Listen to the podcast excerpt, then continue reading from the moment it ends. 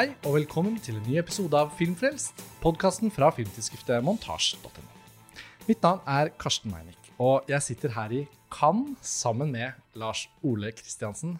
Hei, Lars Ole. Hei, Karsten. Tenk at vi er i Cannes. Tenk på det. Wow.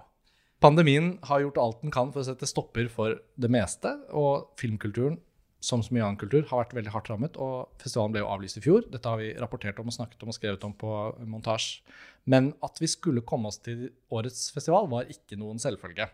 Nei, altså vi tok jo beslutningen uh, i grevens tid, uh, får man si, før prisene plutselig skjøt i været idet alle som på en eller annen måte hadde mulighet til å dra, bestemte seg for å dra likevel.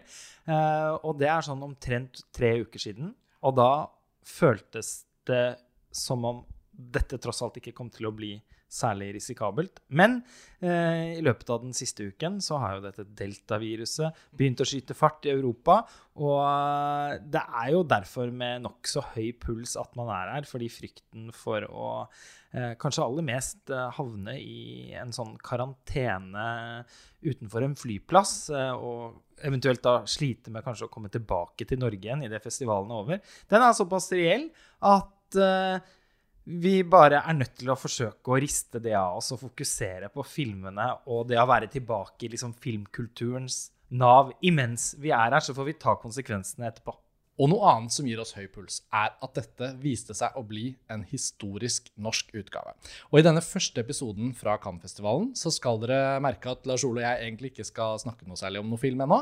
Fordi festivalen har i praksis nærmest startet med at Joakim Triers nye film 'Verdens verste menneske' har sin verdenspremiere i hovedkonkurransen. Og vi ankom festivalen i går formiddag, Lars Ole, og på kvelden så var det den store gallapremieren for uh, Triers film. Og filmen er så rik og innholdsmettet og full av innganger til samtale at den skal vi snakke om i en kommende episode. Men i anledning gallapremieren så har jo hele teamet, selvfølgelig Joakim Trier, Eskil Fugt, Thomas Robson, produsenten, skuespillerne og veldig mange av de andre involverte vært her. Så de siste døgnene har vi vært med på denne gledelige begivenheten i form av visninger, fest, samtaler og i dag en liten runde med intervjuer hvor vi fikk sette oss ned med noen av de involverte, som hadde litt tid. Ja, eh, og det er vi jo selvfølgelig veldig glad for. Og eh, for å kunne dele med lytterne våre. Det var jo da du som gjorde disse intervjuene. Vi kan jo eh, allerede nå si at vi begge anser denne filmen for å være det foreløpige hovedverket i Joakim Trier sin filmografi. At det også er et slags oppsummeringsverk og som kanskje særlig peker tilbake til uh, debutfilmen 'Reprise', som vi begge har et veldig spesielt uh, forhold til. Og um, vi gleder oss veldig til å kunne dele flere tanker om hva vi, vi tenker om filmen, som da har uh, den internasjonale tittelen 'The Worst Person in the World', og den franske tittelen 'Julie en douze chapitres', som vi altså synes er en så vanvittig fin tittel at uh, vi nesten er litt misunnelige, selv om jeg fra første gang jeg hørte tittelen 'Verdens verste menneske', uh, tenkte at den er hysterisk morsom, og definitivt en av de beste norske filmtitlene jeg har vært borti. Ja, så jeg føler at dette som en slags sånn intro til Cannes-dekningen vår, det illustrerer hvordan vi har på en måte åpnet festivalen. og... Um, for de som etterlyser da episoder som går i dybden på det vi ser her nede, så er jo det nå på vei og på gang. Dette er dag én. Og vi følte vel likevel at selve liksom, rapporteringen om premieren og den historiske hendelsen med med Triers film i hovedkonkurransen, det var litt sånn ferskvareaktig. så Derfor har vi valgt å, å kjøre disse intervjuene eh, som vi nå skal presentere, i denne første episoden. Og at eh, Lars Ole, du og jeg, pluss eh, øvrige panelmedlemmer som eh, skal være gjester på podkasten vår eh, under festivalen, eh, kommer tilbake i samtaler om både Triers film og andre ting på festivalen. Ok, så skal vi bare kjøre samtalene fra før i dag. De er da gjort på salgsagenten Mementos kontor her i Cannes. En stekhet formiddag i juli. Joakim Trier, Renate Reinsve og Herbert Nordrum er de tre vi fikk i tale. Og vi forventer å også snakke med andre involverte senere. Men her får dere noenlunde ufiltrert eh, de tre korte samtalene vi hadde, med litt eh, stemningslyd i bakgrunnen. Så da håper vi at dette gir en god smakebit og pekepinn på hvordan vi etter hvert skal dykke dypere ned i Trier og etter hvert også Fugts Cannes-aktuelle film. Så Lars Ole, vi er snart tilbake, vi begge. Og så får vi bare sende lytterne over i samtalene med Trier, Reinsve og Nordrum. God fornøyelse, alle sammen. Da har jeg bare skrudd på, jeg. Ja. Får bare se at nivået er hvis Ja, du bare 1, 2, sier 3. Altså, vi snakker her. Hold den litt høy. Litt høyere sånn her. Ok. Litt ned. Litt der. Ja. Ja. Så fint. fint. Som jeg har sagt, så blir jo denne episoden av Filmfest fra Cannes en litt sånn stemningsrapport om den historiske norske deltakelsen med Joakim Triers 'Verdens verste menneske' og Eskil Fugts 'De uskyldige'. Og nå sitter vi her på Mentos kontor, og vi har noen minutter med Joakim Trier. Gratulerer, Joakim. Tusen takk. I går var det gallapremiere på Mm, 'Verdens verste mm. menneske'. Og dere er i Cannes-kaoset, på en Ja. måte, men også et stort, stort øyeblikk. Kan du bare Kan jeg få lov å være litt sportsjournalist og si hva føler du? Ja, nei, jeg er veldig lettet og glad, jeg. Eh, du må huske det, eh, som jeg sa i salen i går, Mm. eh, til eh, 2300 mennesker, at jeg har jo pga. pandemien ikke fått lov til å testvise denne filmen. Jeg er Mm. vant til å ta underveis i klippingen og i hvert fall vise den to-tre ganger til kanskje 200 mennesker. Og prøve å forstå litt hva jeg driver med. Det har jeg ikke fått gjort denne gangen. Jeg har vist til toppen fem mennesker. Så det å gå inn i den salen, cinemize back, det store lerretet, det føles som en sånn stor omfavnelse.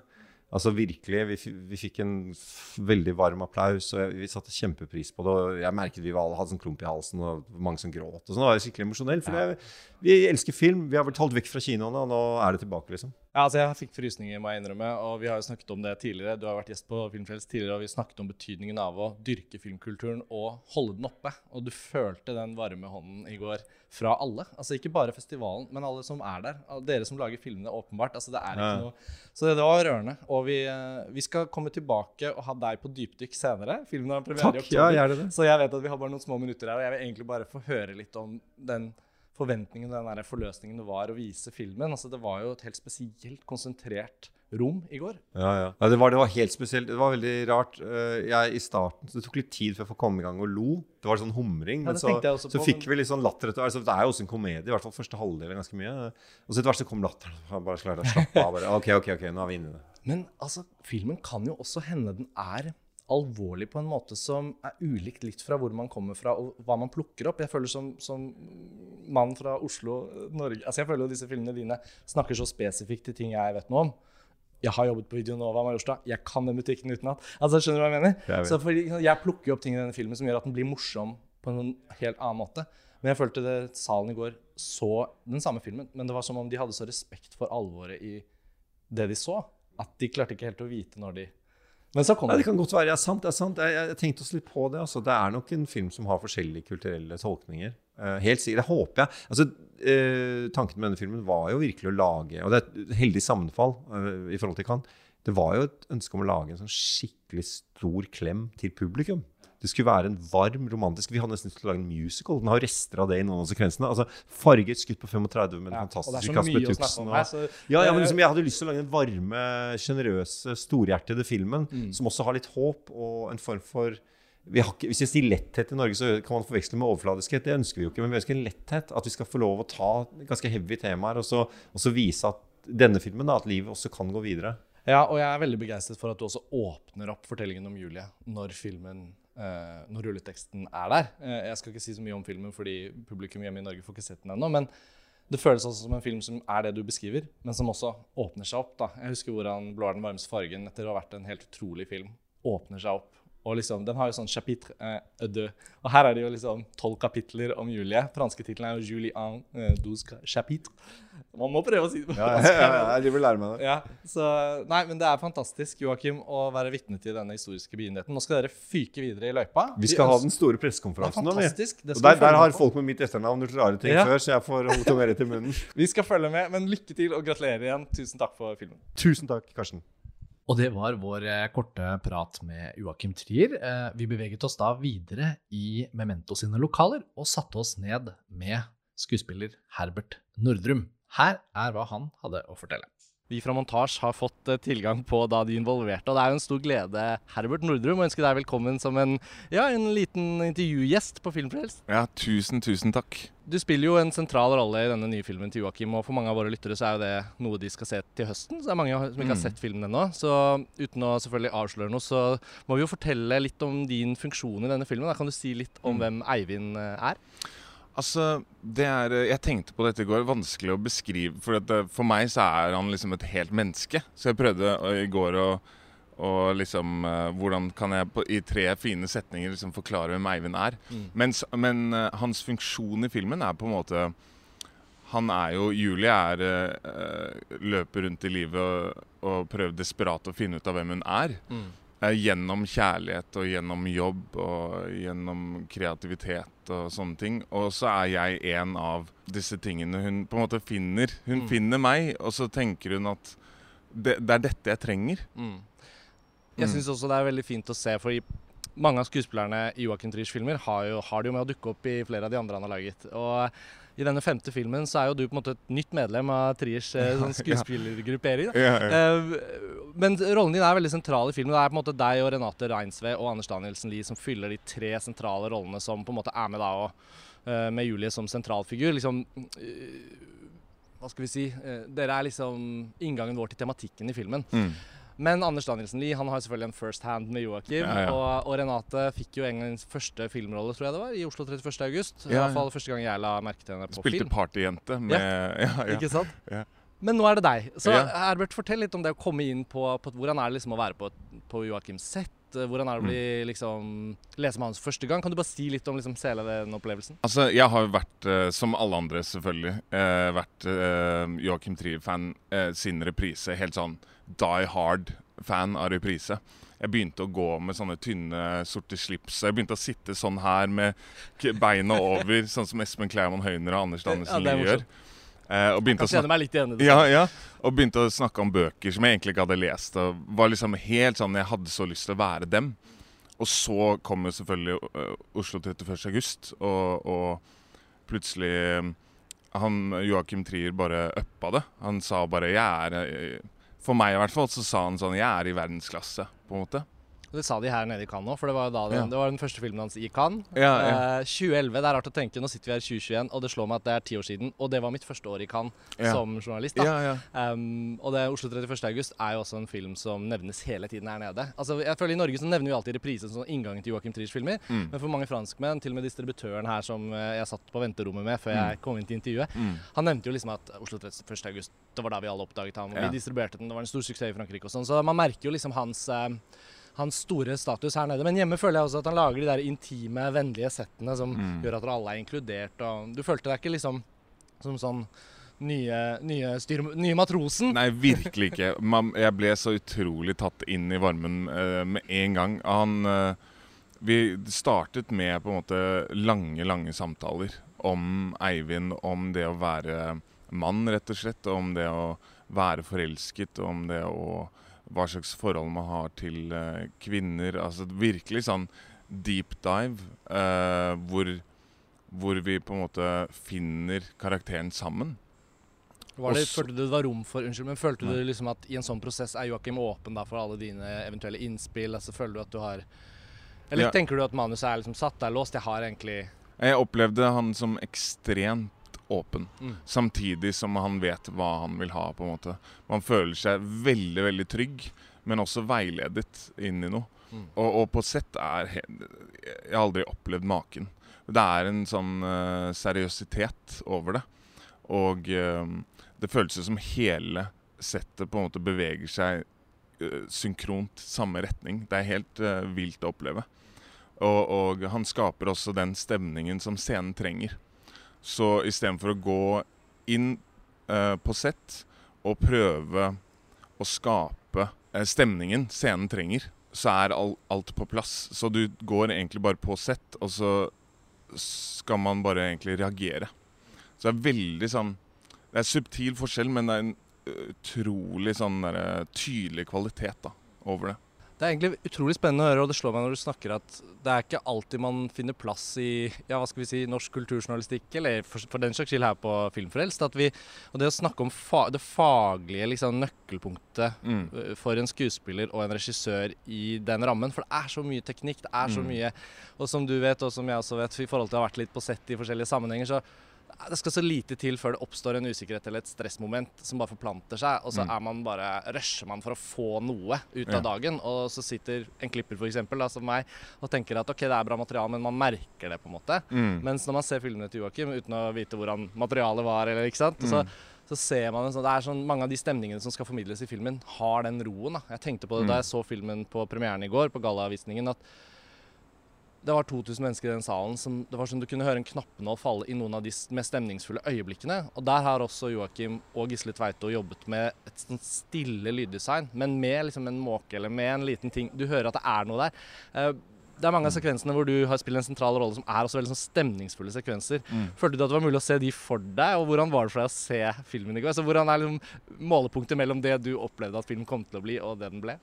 Det er et litt sånn vanskelig spørsmål, fordi at når, når man er på sett, i hvert fall i denne produksjonen her, så er det ingenting eh, Man har ikke en, en eh, idé om eh, hvordan det vil bli sett på utenfra. Man er på en måte bare i det, og man arbeider sammen. Og uh, altså, det å se filmen eh, var helt sinnssykt.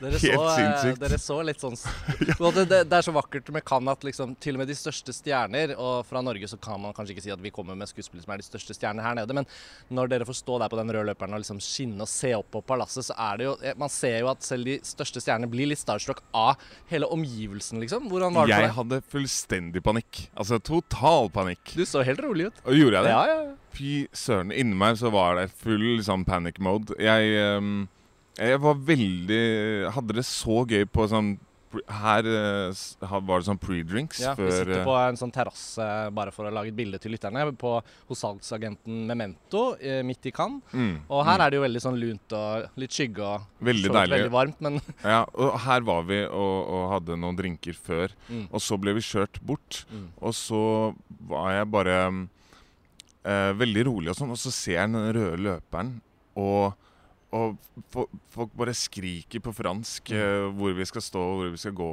Mm. Eh, altså ja, så jeg ble virkelig Det var litt overveldende, må jeg ærlig innrømme. Så veldig glad for at du sier at jeg så Ja, helt rolig ut. For jeg hadde fullstendig panikk.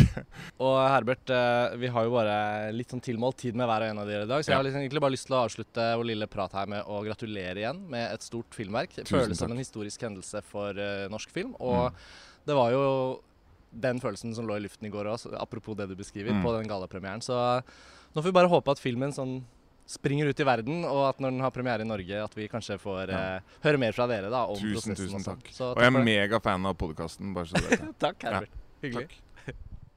Og til slutt, etter denne praten med Herbert, så satte vi oss ned sammen med Renate Reinsve, som spiller den sentrale hovedrollen i Verdens verste menneske.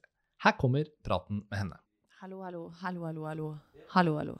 Da starter vi, da. Vi eh, har nå byttet rom her hos eh, Memento i Cannes. eh, og etter å ha snakket litt med Herbert, så har vi jo nå fått en liten audiens hos eh, Renate Reinsve. Og, og internasjonal presse står i kø, så Lille Montasje har fått noen minutter. Men det er vi mer enn fornøyde med. Og Renate, jeg må bare starte, jo, men jeg må starte med å si gratulerer med denne helt fantastiske filmen. Tusen, tusen takk. Og for en begivenhet det var i går kveld, med gallavisning, eh, rød løper, det hele. For det var helt sinnssykt. Det var så intenst. Jeg var helt skjelven og var kvalm. Jeg, jeg våkna faktisk i dag og kasta opp, jeg. Ja, det Ja, det er så en slags lykke... Jeg vet ikke hva det var. Nå har jeg ikke sagt det til noen, det er kanskje dumt å si, men, Ja, men det eh, det var Jeg bare er helt sånn eh, Det er skjelven, altså. Det er det- stort. Ja, disse omgivelsene er jo helt spesielle, og jeg vet ikke alltid om hverdagsoffentligheten hjemme i Norge skjønner omstendighetene av en verdenspremiere i hovedkonkurransen i Cannes. Eh, Nei. men hvis du spoler ni måneder tilbake, da, og dere står på innspilling i Oslo, eh, og koronaen har herjet, og alle må liksom ta hensyn under en innspilling eh, mer enn vanlig, men det er en Joachim Trier-innspilling, og jeg spurte Herbert litt om det. altså, hvordan er det for en skuespiller å gå inn i akkurat hans prosess? og liksom du har jo en helt sentral På den franske tittelen så heter jo filmen 'Julie en douze chapitres'. Så det er jo liksom din rollefigur som er tittelfiguren, og du er helt sentral i filmen. Et stort gjennombrudd, skriver alle i dag. Og, men så står du likevel bare der på jobb hos Joakim på sett i Oslo. Og Ja, hvordan er det i forhold til å liksom plutselig stå her og svimle over premieren? liksom? Det føltes ikke ut som en vanlig jobb, altså. Det føltes ut som en stor uh, gjeng med kompiser som lagde sk- altså, noen skikkelig fine ting. Jeg følte vi hver dag var inne på å utforske noen sannheter i oss selv og uh, i noen andre ting, og, og at det føltes veldig stort å være med på innspilling også.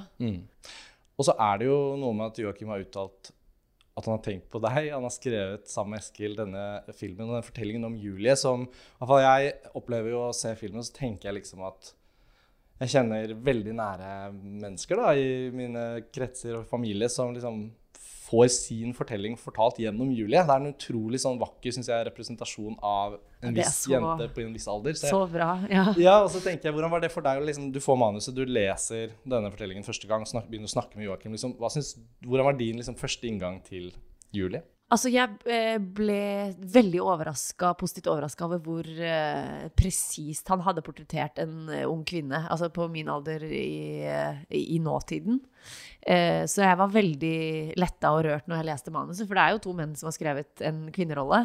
Og så var Joakim utrolig opptatt av at jeg skulle fylle inn og komme med mine ting, og at vi utvikla nyansene i det sammen, som var veldig viktig, tror jeg. Og eh, da føltes det jo eh, ja, veldig, enda mer riktig. Han, jeg fikk veldig mye tillit i Ja, fordi han, Herbert snakket også litt om det at Joakim åpner de prosessene veldig opp med sine skuespillere. Ja. Og at det liksom er veldig sånn rom for dine hvor, hvor, hvor lange er de samtalene? Hvor tidlig hadde dere denne prosessen i gang? Fordi, Jeg jeg, vet jo at tror, filmen ble eh, utsatt noen ganger pga. ulike Ja, Altså- jeg, jeg hadde den første samtalen om manus eh, med Joakim etter jeg hadde lest det. Jeg tror den varte i fem timer. Mm. Og det er jo bare sånne store eksistensielle spørsmål og Mm. eh, fantastisk samtale. Og det er så sjeldent at man uh, faktisk prøver å søke etter noe og, og gå virkelig i dybden av noen uh, temaer, da. Mm, mm. Og her nede så tenker jeg også at man, når en film er laget hjemme i Norge og det er liksom, Joakim opprettholder en veldig sånn Altså Jeg er så glad for at han lager filmene sine i Norge. i det hele tatt? For Han er jo så ettertraktet som filmskaper, og mange vil sikkert ha ham på prosjekter i andre land. Sånn, så tenker jeg at den koblingen mellom at vi har en filmskaper på dette nivået, som er med i liksom VM og OL i film på en måte, samtidig, men som likevel står der hjemme og lager på en måte en veldig lokal, spesifikk, Oslo-spesifikk fortelling, eh, men den virker å ha en sånn universell Er enig. eh, effekt. da. Og her Ja. sitter vi da i gallavisningen i går. Eh, dere så jo litt sånn starstruck ut av hele øyeblikket. Ja, og ja. det skulle bare mangle. Men det var også sånn man kunne liksom man kunne kjenne på rommet at de 2000 menneskene konsentrerte seg ekstremt på din rollefigur, hennes reise og mange av de filmatiske grepene. For det er veldig sånn idérik og morsom filmet film. Ja. Eh, hvordan opplevde du det sånn på sett når dere skal lage sekvenser sånn som, uten å avsløre noe for mye for lytterne, så er det jo sekvenser i filmen som er veldig sånn spesifikt filmatiske. da. Ja. Frysing av tid, eh, russekvens. altså det, det skjer. Kan du si litt om hvordan du opplevde de sånn før dere lagde de, når dere lagde de og i går? Altså Det føltes veldig stort fordi at det var mye teknisk som måtte være på plass. Men det var ekstremt gøy. Og det var en Jeg har aldri vært på en så morsom innspilling. Vi altså lo og koste oss hver dag. Og så var det jo veldig tunge ting vi skulle inn i, men det var eh, Nei, det, det føltes jo Når du er en sånn kran som kommer bak deg på siden, og du vet at nå er det, nå er det en sånn kjøring eh, hvor du ser Oslo fra Sankthanshaugentoppen, og vi skal i riktig øyeblikk kysse. Så det føles jo episk å være en del av. Eh, Hvor, når du ser den der i går og kjenner på publikum, hvordan var det? I sånne sek sekvenser som det, da, der hvor filmen tar seg veldig sånne store Ja, det var eh, Jeg føler det er veldig sånn lettende, og at den åpner veldig opp universet. Jeg føler man har vært veldig mange steder, at eh, det visuelle språket er veldig rikt. Man har jo vært overalt etter man har sett filmen. Både veldig nært og veldig stort. Men likevel så føler jeg at sånn som Jeg må virkelig berømme det du gjør i filmen også som skuespiller. Rent sånn for hennes person og Det er noe med at hun klarer på en måte Eller du, da. Dere. Eh, resultatet på lerretet er jo også et menneske som virker å ha akkurat den derre hele tredimensjonale nærværet som bare er realistisk. Men språk, filmspråket til Joakim, lekenheten, er på en måte ikke en klassisk sånn realistisk stil. Men plutselig i scener så har jo f.eks. du og Anders Danielsen de har ganske mange nære dramatiske scener hvor plutselig filmen blir helt sånn Ja. tett på. da. Du må egentlig sjong- sjonglere liksom ulike si, verktøy for en skuespiller. da. Å være i en sånn kjempeteknisk sekvens, og så plutselig Ja. eh, Hvordan kan du beskrive liksom arbeidet med det? Og skifte litt sånn Eller er det kanskje ikke et skifte? Jo, det er jo det. det, det men de tingene Man må jo bare sone inn på det nære og intime og tørre å være i det med den andre. Og det er jo veldig, veldig lett med Anders. Og veldig, veldig lett med Herbert. Altså, Herbert Nordrum gjør sport i å være en god skuespiller. Eh, Nei, medspiller, men jeg, altså, han, han er jo en god skuespiller, selvfølgelig. Men eh, han, eh, det er, han er så opptatt av å spille den andre bedre. Det er en eh, altså, virtue. Altså, han, han lever etter det når han eh, er på sett, og det er helt fantastisk. Så For dere har en sånn meet cute i filmen, da, hvor Ja. de to rollefigurene ser hverandre for første gang. Og det er jo scener vi har sett i hundrevis av andre filmer. Og i denne filmen føler jeg man ser den typen møte for nesten første gang. Ja. Og, det så, og så tror jeg vi alle kan føle det, om ikke man har sneket seg inn på en fest, sånn som Julie gjør. Ja. Så er det noe med det å bare De gangene man har sett noen på tvers av et rom og liksom kjent at OK, det er et hundredel. Det er ikke noe som skjer over en lang opp... Det kan bare være akkurat det. Du hører noen sånn som han hører deg uh, Ja. utgi deg for å være lege i den scenen med de Ja. andre damene der. Så, og så bare er han sjarmert. Og det kamera og deres evne til å liksom spille sammen, da, enkle blikk, ikke gjøre det for stort Nå er ikke dette helt et spørsmål, mer sånn kompliment. da. Ja, tusen, men, men det er sånne ting som gjør at filmen også fungerer så fint, at dere klarer å liksom være med på den dansen litt. da, Og gjøre de der små, små tingene. og eh, altså Hele den egentlig testen du sniker deg inn på, er Mm. Ja. egentlig også en lang sekvens, men den her det spillet, da, lekenheten med liksom OK, vi skal ikke Ja. være utro, men hva kan vi gjøre? ja. ja. Men den er veldig omfangsrik, egentlig, hele den, for det er mange forskjellige rom dere beveger dere rundt. Ja, den er lang, det er en lang sekvens. Men eh, ja, man får jo veldig lyst til å være der med de når man ser det. Man får lyst til at de skal eh, Egentlig er det en sjelden forførende film. Uh, fordi man, det lages veldig mye alvorlig film, og så lager det veldig mye tullete film. Men man kan ta seg og savne jeg, jeg tenkte faktisk litt på Notting Hill, og det er en film jeg mener at bør ha en slags klassikerstatus. Jeg Ja. Mm. føler jo at mange tenker på det som en kommersiell film, liksom med Hugh Grant og Julie Roberts fra da, da den kom og sånn, og det er jo også riktig. Men etter hvert som årene har gått og nesten romantisk komedie er blitt en sånn sjanger man nesten ikke lager lenger, Ja. i hvert fall ikke på denne måten, Mm. så savner man det å bli sånn ordentlig forført og være med liksom, romantikken som utspiller seg. Det Ja. er veldig faktisk tilfellet i denne filmen, syns jeg. Ja. Um, ja, det er jo superbra. Det den, er, men den sjangeren, hvordan var det for deg? Tenkte du noe på det? Var det liksom i det hele tatt et spørsmål? Og, og liksom toneleiet til filmen, liksom, Og tenke OK, vi skal liksom Nei, jeg tror at uh, Joakim også trengte en skuespiller som hadde en sånn letthet og hadde tilgang på humor og sånt noe for å få til de tingene. For det er jo veldig viktig at man blir sjarmert av eh, Julie, at man eh, blir kobla på det. eh, alt det hun er. Hun er jo veldig liksom, smart og kul og morsom, og alle de tingene er jo viktig for å se hva hun sliter med. Hun har en sånn indre uro og eh, lider inn, innenfra fordi at hun ikke klarer å finne ut av ting og eh, føler ikke hun er på plass der hun skal være. Men eh, ja, for å se kontrastene så var jo det veldig viktig. Men jeg, jo, jeg visste jo at det var en Nei, sjangeren tror jeg ikke jeg liksom tenkte på, altså. Nei. Nei. Og filmen skriver seg jo litt inn i en Den er jo mer et autørverk. Som er, det er på en måte mer en Joachim Trier-film enn det er en sjanger Ja. man kan spesifikt henge den på. Ja. Eneste filmen han har laget som liksom er litt en sjangerfilm, er jo 'Thelma'. Eh, for den bruker jo veldig mange horrorfilmspråklige trekk, Ja. selv om den også er en Joachim Trier-film. Ja, for det, det Men- er jo på en måte en sånn melankolsk romkom. Mm. eh, som er mer mot Joachim Trier, ja. Men jeg, og det er et vanskelig begrep å bruke. Romantisk komedie. Ja, nei, jeg, synes, jeg klarer liksom ikke helt å kalle filmen det, men jeg, jeg Mm. syns den ja, som jeg sa, jeg synes den har den forførende egenskapen som de beste filmene som vi kaller romantiske komedier, har. Ja. Eh, Ja, ja, og, det, og, og man merket jo også i går, altså, bare for å komme litt tilbake til gårsdagen fordi Mm. uh, vi har ikke så mange minutter her, og det er mange som skal snakke med dere og sånn, men, men det er, føles som det var, hadde vekten av et sånt litt sånn filmhistorisk øyeblikk. I hvert Ja. fall i norsk målestokk. da. Ja. Eh, Kan du bare si hvordan du opplevde hele den visningen? Jeg syns at det var ganske Jeg syns det var litt vanskelig også å se, altså. Ja, det, det skjønner jeg. Fordi at eh, det er jo en selv oppå skjermen der, og jeg ser jo hva jeg driver med, og gjennomskuer alle Triksene? Ja.